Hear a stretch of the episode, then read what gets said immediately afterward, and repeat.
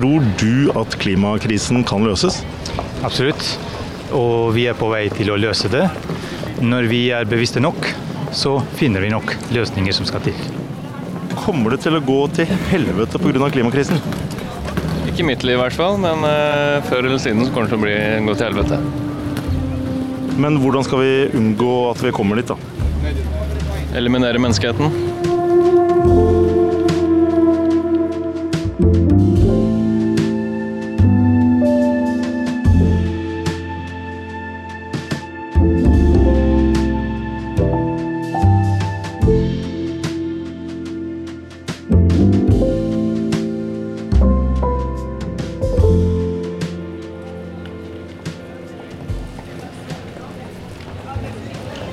Hei, Stein. Hei! Hei, Kristian! Velkommen til Samtidens drivhus på Youngstorget. Wow! Så du har fått satt opp drivhus? Nei, det drivhuset er noe skikkelig herk å få til, så det er takket være mine gode montører at dette er oppe å stå. altså. Eh, så jeg har brukt noen dager på det. Men du har bygd det av eh, plastikk som trenger eh, karbon for å bli produsert? Kutt, kutt, kutt, dette må ikke gå på lufta. er det nå vi skal si noe om stein og glasshus, eller? La oss gå inn i glasshuset og se om det noen stein der. Velkommen Om vi finner noen.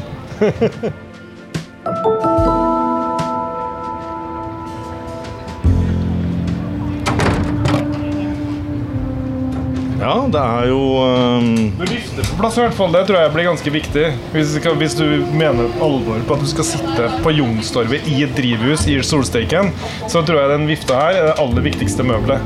Men vi må jo få kjenne litt på klimakrisen vi òg, da. For det kan jo bli en realitet. Jeg har i hvert fall noen planter, jeg har vann, eh, vi har to stoler og et bord. Eh, La oss sette i gang.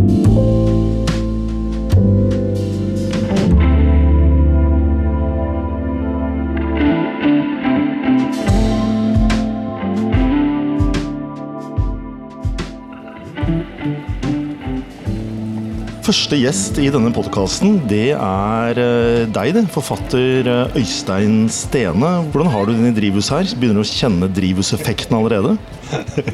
Det er utrolig varmt. Jeg vet ikke hvor varmt, men det er sannsynligvis i øvre grense for hva menneskekroppen tåler i lengden. Så akkurat nå så er jeg veldig glad for at jeg ikke har hår. Det kan ikke være lett å være Christian Kjelstrup, som har mye hår. Jeg har det klamt under her, men man må jo ofre seg for den gode sak. Poenget her er kanskje litt kjenne på klimakrisen, fordi samtiden er da ute med et klimanummer. Derav drivhuset. Det er stortingsvalg til høsten hvor klima blir en viktig sak. Det er klimatoppmøte for første gang siden Parisavtalen ble undertegnet i 2015. Og vi vet jo at det haster. Og du har skrevet om klima i samtiden, Øystein som rett og slett er tre klimautopier. Tre mulige utganger på hvordan klimakrisen løses. Hvorfor trenger vi utopier i klimadebatten? Jeg tenker at For å kunne ha en, et bilde av en positiv fremtid, for å kunne forestille seg løsninger, så må man på en måte skape de bildene. Hvordan kan ting løse seg? Hva kan være en positiv utkomme? Og det savner jeg i, eh, i spesielt i fiksjonslitteraturen. da. Rundt klima så er det liksom det går, det går liksom dystopier over eh, på ett sett, liksom. Så, så, så det jeg prøver å forske i, er liksom løsningene, utopiene. Kan vi skape de? Kan vi skape bilder av en fremtid hvor dette er et tilbakelagt problem? Fordi bare å, å si det til lytteren, da. Utopi det kommer jo fra topos, betyr sted, og u betyr ikke, altså et ikke-sted. Det kan også bety godt. Altså et mulig fremtidig godt sted å være. I kontrast til disse dystopiene som vi har sett så mye av på skjermer og lest om i bøker de siste årene. Uh, hvor verden går til helvete. Si litt mer. Hvorfor, hvorfor, uh, hvorfor må vi komme oss gjennom disse dystopiene? Ehm, altså, det er, det er denne letinga etter løsninger som jeg er interessert i. Eh, hvordan kan vi se for oss at ting faktisk kan løses? Hvilke løsninger er adekvate? Hva vil bringe oss hvor? Eh, når vi gjør det ene velget fremfor det andre, hva er fordelen og ulempen med f.eks. atomkraft? Hva skjer hvis vi lar eh, kull fortsatt å være en, en, en av de viktigste energikildene i store deler av verden? Så, så, så, det, så det er jo et slags sånn utforskningsprosjekt. da For du syns ikke klimasamtalen til nå har vært nok løsningsorientert, da? Nei, Jeg opplever ofte at uh, politikere istedenfor å liksom lete etter løsninger, bruker mer energi på å liksom slå ned, liksom kritisere den andre. Sånn som eksempel, da. Uh, Rødt hadde et forslag om hydrogenbåter, liksom, eller hydrogenferjer, som ble liksom veldig sånn erta. Og Høyre kom med et forslag om å plante sikagran for å ta unna karbon i lufta.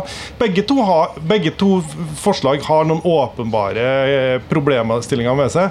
Men istedenfor å liksom komme med gi et bedre forslag, da, så bruker man liksom energien på å kritisere det. Og Det er liksom, det er liksom den innstillinga til problemet vi står overfor, som jeg forsøker å adressere. Men du, vi må, vi må inn på disse tre klimautopiene dine, rett og slett. Du skriver da om tre mulige utganger på krisen fra tre litt ulike eh, ståsteder. Hva er, hva er den første utopien går ut på? Første utopien er klimaaktivistens utopi. Det er et forsøk på å skrive fra et sånn litt sånn aktivist-rød-grønt ståsted. Altså, historien starter med at pandemien varer en del år til, og eh, utslipp av drivhusgasser går ned. Men når eh, pandemien er helt over, så eh, er det full gass igjen. Først i, i 2036 så skjer det en gigantisk tørkekatastrofe i Afrika eh, som fører til store flyktningstrømmer. Eh, som, som, igjen liksom skaper et politisk klima som gjør at man må finne løsninger på klimakrisen nå. Fordi det, det, er et større problem, nemlig flyktningeproblemet. Eller større problem for politikere. Da. Flyktningeproblemet som presser det fram. Ja, fordi det du gjør, det er å ta leseren eh, og nå også lytteren, med inn til sånn 2050, 2070, 2080. Du prøver å se krystallkulen. Det er faktiske navn som opptrer. Ine Eriksen Søreide er plutselig statsminister i Norge, f.eks.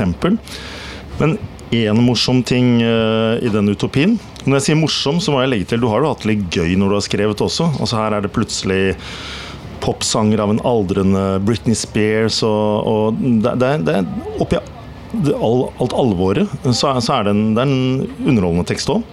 Men, men, en interessant ting da, det er at uh, tipp-tipp-oldebarnet til Karl Marx han får en sentral stilling. Altså Marxistene begynner å melde seg på i, i klimadebatten igjen. Fortell om det. ja, Han er med å eh, utforme Grønt manifest, som får stort gjennomslag nettopp fordi han er med. Um, og Josef Marx, som dette barnebarnebarnet tipp... Hva det heter for noe? Barnebarnebarn? Nei. Uh, Tippoldebarn? Tipp-tipp. Tippoldebarn. Dette tipp-tipp-tipp-oldebarnet er i dag rundt 20 år og er gymnaslærer i England. Så alle disse karakterene er faktiske karakterer som er i live i dag. Så jeg dikter på menneskers livs bekostning og politiske stemninger som er i emning osv. Ja, så har du en annen amerikansk politiker som, som jeg måtte google, Madison Cawthorn, som som da i din tekst er blitt president for USA, og som er på høyresida, men gjennomfører eh, mye av denne marxistiske klimapolitikken. Hvordan henger det sammen? Han er livredd for at den samme tørkekatastrofen skal oppstå i Mexico og Mellom-Amerika og få enda mer flyktninger mot USA. Så Derfor så gjennomfører han en handelsavtale som gjør at eh, hvis man skal eh, benytte seg av arbeidskraft i, i utlandet, så må man eh, gjøre det med grønn energi. Og så ender jo da denne utopien med at uh, de som tenker i retning solidaritet, sanksjoner, de vinner frem. Hvordan, hvordan skjer det? Det er et miljøskifte, altså et skifte av tenkning som må til, som er så fundamentalt at vi aksepterer statlige inngrep og ser liksom nytten av at vi er nødt til å gjøre en helt sånn gjennomgående streng politikk for å få ned liksom forbrenning av, eh, av fossile brennstoff, som jo åpenbart er den største problemstillinga i dag.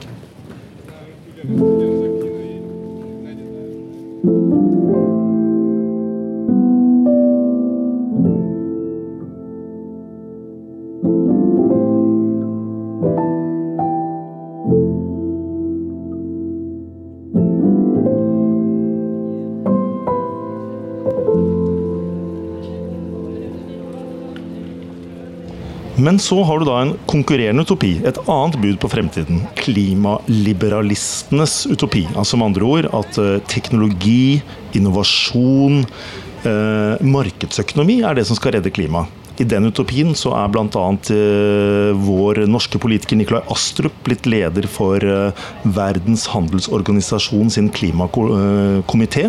Og de foreslår fri flyt av teknologi og kunnskap om, om hvordan krisen kan løses. For å fortelle litt mer om hvordan, i, i din utopi, da, hvordan klimaliberalistene vinner frem det, det, starter jo med at liksom, når pandemien er over, så er det liksom full fest, og ingen gidder å bry seg om klima, og ingen orker å snakke om det lenger. Men det, liksom, det som gjør at man får opp en som tema, er fordi initiativrike og innovative studenter og ingeniører, spesielt i Bangladesh og India, da, begynner å liksom fokusere på løsninger og det begynner plutselig media å interessere seg for. Blant annet så gjør indiske studenter et prosjekt hvor de får apa til å samle sammen eh, plastikk i gatene i, i, New Delhi. Og så er det liksom denne det, At det blir en slags sånn At det er fra initiativ og innovasjon som gjør at man liksom begynner å få interesse for problemstillinga og finner nye løsninger. Og ser da hvordan, hvordan kan man premiere bedrifter og økonomi som er grønn. Sånn at man smører markedskreftene rundt det, og ny innovasjon oppstår. Men jeg, jeg, sitter her og lurer på når vi snakker sammen, og du snakker som om eh, denne fremtiden kommer til å skje, så lurer jeg på hvor mye her er fakta, og hvor mye er rent oppspinn? det er Altså, det, alt er forankra i noe enten forskning eller ideer som allerede finnes på tegnebordet, eller noen har foreslått og sånn, så har, det er veldig lite jeg har helt funnet på, men det er klart jeg har dikta inn veldig mye som jeg syns er gøy, da. Spesielt rundt karakterer, og politikere og popstjerner og sånt. Men jeg tenker at det er, det, det, det, det er ingenting som er helt tatt ut av lufta. Noe som står sentralt da, i denne utopi nummer to, det er at atomkraft eh, kommer inn eh, som en løsning som blir mer og mer eh, utbredt. Og det er i hvert fall fundert i noe virkelig. Ja, det, altså, forskninga på atomkraftverk har jo kommet veldig langt. Altså det der med at I dag så forbrenner man jeg tror det er rundt 90 mer av uran enn man gjorde på 80-tallet. gjør selvfølgelig at det er mindre avfall.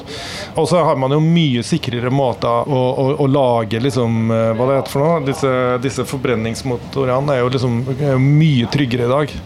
Så nedsmelting er ikke lenger en problemstilling sånn som det var for 20 år siden. Ja, fordi Atomkraft eh, det er noe som utløser nokså negative assosiasjoner eh, hos folk flest fortsatt. Men, men, dette er en løsning som du selv i prosess med denne teksten har begynt å få øynene mer opp for? Ja, jeg var nok veldig ikke spesielt positiv til atomkraft før jeg begynte å gjøre dette arbeidet med liksom research og, og, undersøke. Fordi det store problemet her er igjen ikke sant, det utslipp av drivhusgasser, primært karbon, men også en del andre gasser. Og eh, det, Jeg greier ikke å se for meg hvordan spesielt de fattige landene i verden skal kunne oppnå økonomisk vekst uten veldig stor økning av energiforbruk. Og det energiforbruket vil, sånn som det ser ut nå, basere seg primært på fossile brennstoffer. Der må vi gjøre noe. Og sol og vind vil ikke på lang tid kunne liksom være nok. Og da trenger vi et alternativ, i hvert fall for de neste 50-60 åra.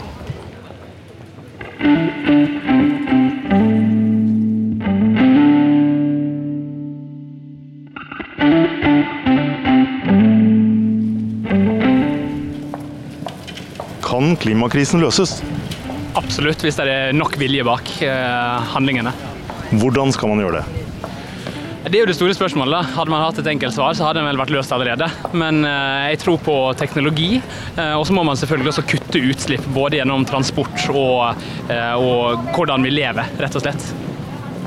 Nå er det veldig mange yngre som er veldig engasjert i det og har lyst til å løse det, men det er flere av de som er litt eldre som ikke er så veldig interessert i det. Så når de som er engasjert i det, har makt, så tror jeg det kommer til å bli mye lettere. Og da kan det hende vi klarer det. Kommer vi til å klare å løse klimakrisen? Det er jeg usikker på, dessverre. Jeg håper det. Men hvordan ser du eventuelt for deg da, at vi kan løse klimakrisen? Nei, Det er jo å prøve å finne lønnsomme løsninger som gjør at uh, de som kun tenker på penger, også blir tvunget til å gå i den retningen. da. Jeg er litt usikker, for å være helt ærlig. Det finnes såpass store forskjeller når det gjelder rike og fattige land, at jeg ser det ikke for meg at det er uh, mulig, dessverre.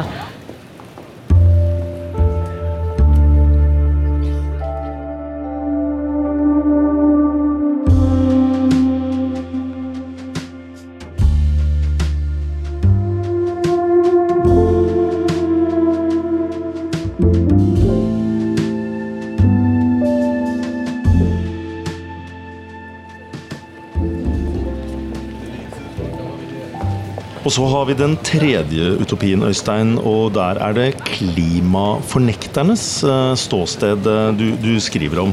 Eh, og teksten starter med at hvitvinsbøndene på Rygge og i Sogn de får problemer. Fordi den globale oppvarmingen har først gjort at det er mulig å dyrke vindruer i, i Norge, i din tekst.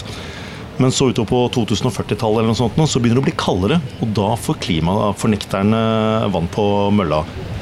Ja, det er jo alle sammen, og ikke minst klimaforskerne, sliter med å skjønne hva som skjer. da, fordi dette strider jo på en måte mot alle fysikkens lover. Så, og, og, men det kalde, eh, nesten førindustrielle klimaet ser ut til å vedvare eh, på 2040-tallet. Så FNs klimapanel sliter med å liksom lage entydige rapporter, og det oppstår mye liksom, mye konflikt rundt eh, om i hele tatt klimaforskning skal spille en rolle lenger. Og dette fører også til at det blir eh, populistiske partier som, som, er veldig kritiske til klimaeliten. Det lyder, det lyder jo litt kjent fra dagens politikk? Eh, vi kan vel si at den tendensen også finnes, tror jeg. Det kan vi. Men hva fører dette til, da? Med hvilket syn på klimaforskning er det du på en måte sannsynliggjør i teksten din? Et syn som setter til side eh, grunnleggende fysiske lover, og tenker at det finnes noe i naturen som vi ikke har kontroll på og kål på, som berger dagen. Det er mulig. Klimaforskerne har ikke funnet det. Men det kan være at eh, elementer som f.eks. kulde på bunnen av havet, som eh, blir skjøvet opp og bidrar til nedkjøling. Men det vil jo ikke være permanent, men det kan gjøre det for en periode. Jeg tror heller ikke vi har full kontroll på hvordan vanndamp virker inn på øh, drivhuskassa. Vanndamp er vel også strengt tatt en form for drivhusgass. Så det er noen ukjente faktorer, men klimaforskerne vil jo hevde at de ikke er store nok til å påvirke det. Men det kan jo skje et under. Og Apropos under, så fører dette i teksten din til en renessanse for, for religionen. Altså at uh, folk begynner å tro pga. at naturen løser seg selv. Ja, Det at klimakrisen løser seg, blir nærmest et gudsbevis på lik linje med det naturen var i middelalderen. Og Klimaforskerne er jo de første som vender seg mot Gud, for de, de, de greier ikke å se at dette er noe annet enn et under. da. Høyre-venstre-aksen er jo enn så lenge fortsatt en, en sånn hovedmotsetning i norsk politikk og klimapolitikk. Mens den tredje leiren du stemmer til, klimafornekterne, den er jo litt mer overraskende. Det er jo Prosentvis så er det en nokså liten gruppe i Norge. Og eh, det er ikke uvanlig å hevde at eh, ja, men eh, skal egentlig de bli hørt? De er marginaliserte, eller la dem være marginaliserte. Hvorfor valgte du å gi stemme til klimafornekterne? Det var jo for å sette det inn i en realistisk kontekst. da. Altså Hvis en klimaskeptiker skal ha rett, hva må til? Hva må til for at dette berger seg sjæl? Også perspektivisere det. Og oddsene er jo ikke veldig høye, men som vi vet, alt kan jo skje. Men jeg ville ikke liksom satt pengene på det kortet, tror jeg det er jo liksom det som du beskriver, da, det ønsket om å liksom Ok, men gå inn, ta på alvor alle perspektiv. Se på de, eh, leve deg inn i de. Eh, kjøp de, i hvert fall for et par dager, liksom, og se hva kan, Er dette troverdig, liksom? Tenker, for meg så er det utrolig sånn viktig, viktig inngang, da. Hvorfor er det viktig? Nei, fordi jeg tror at det å kunne forstå motparten sine argumenter er en sånn grunnleggende eh, metode for å skape empati og, eh, og, forståelse, og ikke minst komme til løsninger. Og dette er jo, dette er jo grep fra skjønnlitteraturen. ikke sant? Jeg er jo skjønnlitterær forfatter. Jeg lurer på, Nå har du fortalt om disse tre utopiene, og eh, det var ikke gitt at det var akkurat disse tre ståstedene du skulle velge deg. Hvorfor, hvorfor ble det sånn? Akkurat nå så opplever jeg vel at dette er de kanskje tre tydeligste stedene man snakker fra i dag.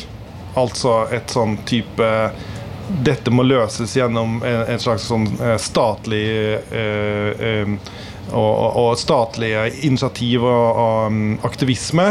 Eller det må løses gjennom innovasjon og teknologi og økonomi. Eller det er ikke noe å løse. Hvorfor skal vi løse det? liksom? Dette løser seg sjæl. Jeg opplever at det er kanskje det tydeligste på en måte blikkene i dag. Men jeg tror det kommer til å endre seg ganske fort i årene som kommer. Altså Noe som uh, din tekst uh, anskueliggjør, da, syns jeg, det er jo hvordan uh, samtiden, når den betraktes fra framtiden, har vilkårlige løsninger. At det vi i dag kjemper hardt for, og det som er blitt partipolitikk i om 20 og 30 år, viser seg å, endre seg. Da. Sånn at ideologiene på en måte stå, står i spill her. da. Tenker du at eh, klimaposisjonene også kommer til å endre seg når eh, klimakrisen endrer seg? Helt klart, og jeg tror det vi liksom kaller høyre- og venstreakse i dag, vil oppleve store endringer. F.eks. Eh, når vi nå ser hvordan Eh, land som har voksne økonomier, og som trenger voksne økonomier for å komme ut av fattigdom, eh, kommer til å ha en enorm energiproduksjon basert på eh, fossile brennstoffer. Da vil på en måte det å være solidarisk med fattige land være noe helt annet. Fordi det du er solidarisk med da, er en forbrenning som vi vet vil ha ekstreme konsekvenser for klimaet på kloden. Så hvor er liksom høyre- og venstresida da, i en sånn type problemstilling, er et åpent spørsmål. Da vil f.eks.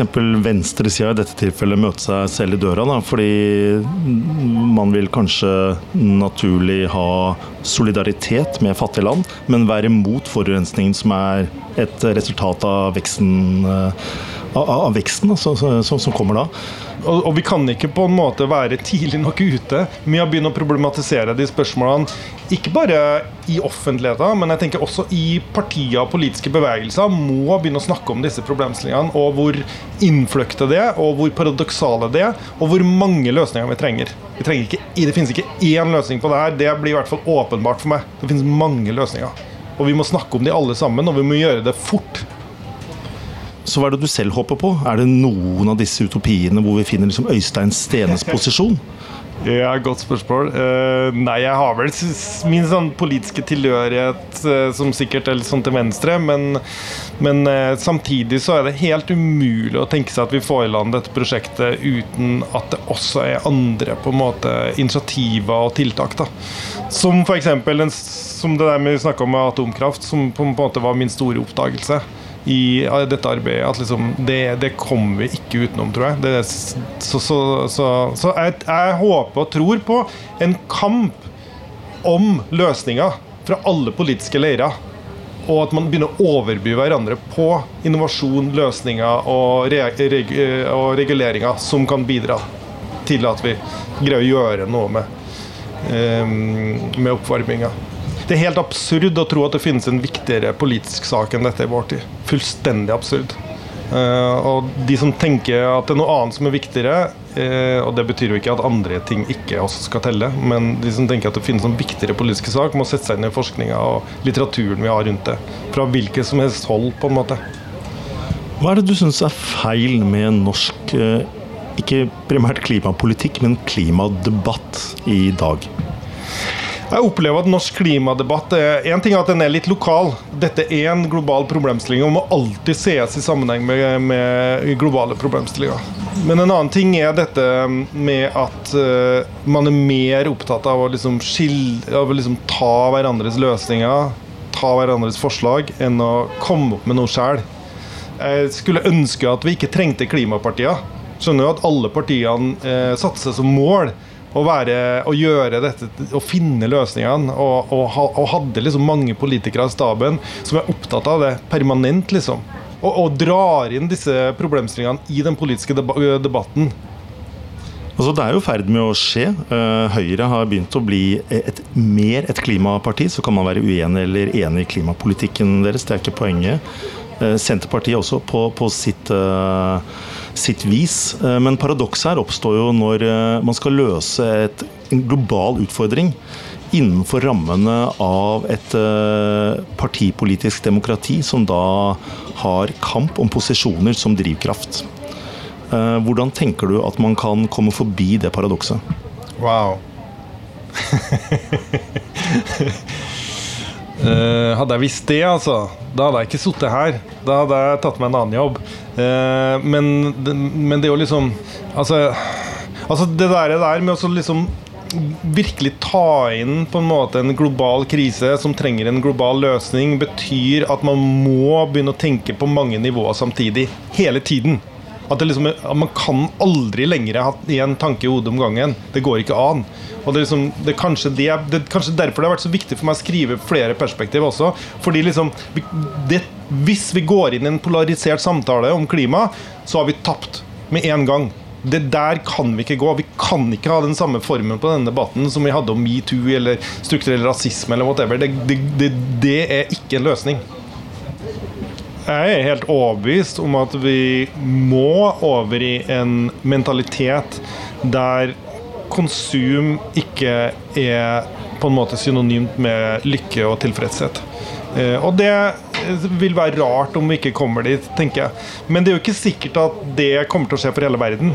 Og det er jo ikke sånn at uh, liksom, store økonomiske og klasseforskjeller forsvinner i verden. Det kommer til å være. Men det er klart at liksom, hele verden kan ikke konsumere sånn som vi gjør nå. Med mindre vi finner opp en energikilde da, som gjør det mulig. Og det kan jo være. Men det skjer ikke de første 50 åra, tror jeg. Klimakrise er jo ordet som brukes hele tiden for å beskrive hvilken tilstand verden er i. Altså at det er en krise i naturen. Vil du si at klimakrisen på sett og vis også er en hva skal vi kalle det, åndelig krise? Den er først og fremst en krise hos menneskehetens, eller, eller menneskets forståelse av seg selv i naturen. Det er vel akkurat det som har skapt det altså det, det, jo, det, er jo en prosess som har gått i 100 000 år. Vi vet jo at liksom mennesket har gjort vold på naturen i veldig, veldig lenge. Men denne, det, den, denne liksom ideen om at vi står utenfor naturen, eller er noe annet enn den, den stammer vel kanskje fra 1700-tallet og romantikken. Så vi, har så vi har mye tankegods, vi har mange ideer, vi har mange måter å tenke og forholde oss til natur på som gjør at vi liksom gjør at vi er stuck til et problem. Denne bevisstheten som har skapt klimakrisen, er også den samme bevisstheten vi må bruke til å løse den. Dette er et paradoks. Eh, samtiden skal sitte i dette drivhuset mer eller mindre sammenhengende frem til stortingsvalget i september. Vi skal ha ulike gjester her, og vi skal snakke en del om klima. Og jeg tror du og jeg er enige om at klima må bli en viktig sak under stortingsvalget i september, eller frem mot valget. Hva er din eh, bønn? Overby hverandre med gode løsninger. Og så lurer jeg på til slutt, siden du har skrevet om fremtiden Øystein, og klimakrisen. Hva tror du selv? Tror du vi kommer til å løse klimakrisen? Ja, men vi kommer ikke til å gjøre det umiddelbart, og det kommer til å være en lang og kronglete vei. Og det kommer til å bli varmt. Enda varmere enn i studio her. Det håper jeg ikke, for dette begynner å bli skikkelig varmt. kjenner Jeg Jeg har på meg ullsokker i dag, og det burde jeg ikke hatt. De skal jeg ta av nå, fluksens.